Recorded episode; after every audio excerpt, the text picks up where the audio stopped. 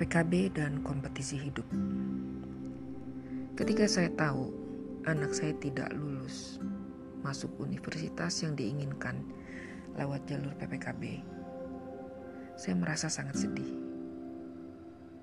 Saya sedih bukan karena anak saya gagal lolos PPKB, tapi saya sedih membayangkan kesedihannya saat dia tahu telah gagal lolos PPKB. Karena saya tahu banget bagaimana perjuangan dia untuk meraih impiannya itu. Terlepas dari kadarullah, transformasinya yang terjadi dalam beberapa semester belakangan tampaknya belum cukup panjang untuk mengantar dirinya ke kampus impian lewat program PPKB ataupun SNMPTN. Bagi saya, kesuksesan seseorang tidak mesti mutlak dinilai dari hasil akhir suatu proses. Tidak bisa dipandang hanya dalam pilihan sempit, sukses atau gagalkah dia saat mencapai goalnya. Boleh jadi saat ini dia gagal mencapai goalnya. Saat itu dia gagal mencapai universitas impiannya. Namun sesungguhnya dia telah sukses mentransformasi dirinya menjadi dia yang sekarang yang jauh lebih baik. Itulah kesuksesan yang hakiki menurut saya.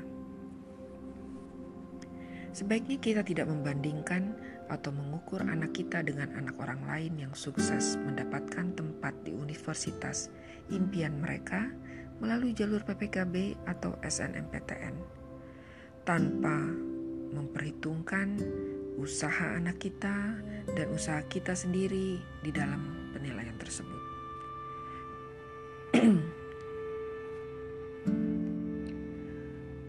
Sudahkah maksimal usaha-usaha kita? Anak kita adalah buah dari hasil pendidikan kita.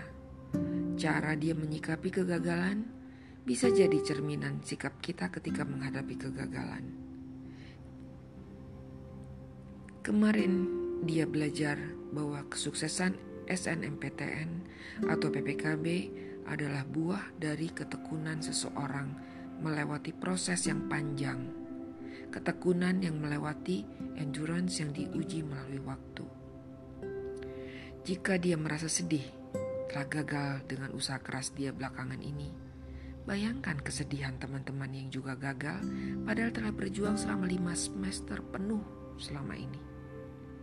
Saya mengingatkan dia akan hal itu untuk membuatnya melihat kekecewaan dari perspektif yang berbeda. Tidak melulu nasib kita harus dinilai dari kacamata kegagalan diri kita sendiri secara mutlak, sampai-sampai tidak lagi menyisakan rasa syukur atau empati kepada orang lain. Saya ungkapkan kepada dia bahwa saya menilai proses transformasi dirinya sehingga menjadi yang seperti sekarang saja sudah merupakan capaian. Transformasi diri menjadi lebih baik dari kemarin merupakan indikator prestasi yang sejati. Bagaimana bisa mencapai sebuah cita-cita yang tinggi ketika performance belum mencapai batas maksimal? Insya Allah, transformasi yang terus berlangsung akan membuahkan hasil pada saatnya masih ada jalur lain yang tersedia untuk meraih impiannya. Dan ternyata memang dari jalur lain itulah akhirnya anak saya dapat meraih impiannya masuk ke dalam satu universitas yang juga didambakan selama ini. Saya belajar dari kesedihan anak saya. Saya menangkap kegalauannya, kekhawatirannya akan masa depan dia merasakan tekanan dalam jiwanya. Dia sedang merasa jatuh. Sesungguhnya saat itu dia tengah mengalami ujian dalam hidupnya. Cara dia menghadapi kegagalan saat itu akan memberikan dia pengalaman hidup tambahan, menjadikan mentalnya lebih kuat, insya Allah. Adalah tugas kita sebagai orang tua untuk membimbing anak kita agar sukses memetik hikmah dari proses yang dilaluinya. Bukan malah menambah lebar luka di hatinya. Bukan pula malah membandingkan kesuksesan anak orang lain dengan kegagalan anak kita, itu akan membuatnya semakin terpuruk. Tugas kita membuatnya melihat bahwa kesuksesan adalah membuat diri kita hari ini lebih baik daripada diri kita yang kemarin. Usah fokus pada keberhasilan orang lain, karena hal itu akan membuat diri kita merasa gagal dan mempengaruhi semangat kita sendiri.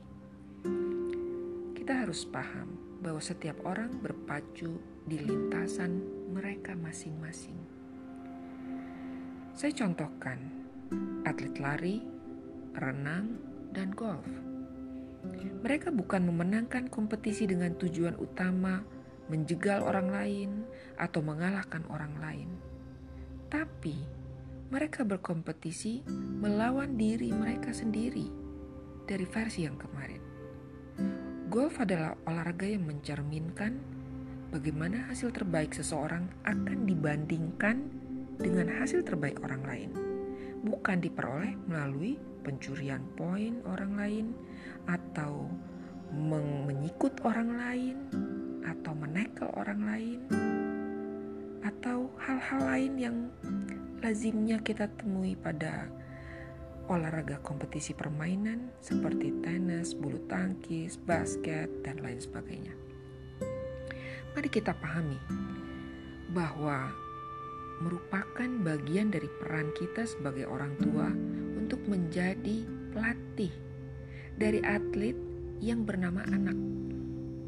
Anak-anak adalah atlet yang berkompetisi sepanjang masa hidupnya akan banyak kesuksesan atau kegagalan yang bakal mereka temui. Maka ajarilah anak-anak kita dengan nilai esensial yang akan dia perlukan dalam menghadapi setiap babak final di semua fase kompetisi dalam hidupnya. Sebagaimana kita dulu juga mengalaminya. Jika kita ingin ajarkan nilai hidup yang baik kepada anak kita, maka kita harus memulainya dari diri sendiri. Belajar menempatkan kesedihan kita di bawah kesedihan anak kita. Kebahagiaan kita setelah kebahagiaan anak kita. Ingatlah, jika kita sedih, bagaimana dengan dia? Jangan kita malah sebaliknya memaki atau menambah tekanan bagi mereka. Jika kita sedih akan kegagalan dia, diingat. Bahkan bagaimana lagi mereka sendiri, hati mereka bagaimana saat mengalami kegagalan tersebut. Kalau kita sedih terhadap kegagalan mereka, kita harusnya menghibur, bukan malah menuntut dihibur oleh anak kita. masih ada orang tua yang meng menghadapi kegagalan anaknya melebihi kegagalan dirinya sendiri. Dia bisa marah dan dia bisa menghukum anaknya tersebut. Padahal yang gagal itu anaknya. Yang rugi itu anaknya. Dia sebagai orang tua, ya dia hanya bisa melihat dari jauh. Mungkin kerugian materi, mungkin rugi waktu, tapi kita, tugas kita sebagai orang tua adalah mendidik anak kita, mendampingi anak kita pada saat mereka merintis, meniti batu-batu kehidupan mereka sendiri. Saya kira itu peran sejati kita sebagai orang tua. Terima kasih sudah mendengarkan podcast saya, Nela Dusan Semoga kita bisa bertemu lagi dalam podcast saya yang berikutnya.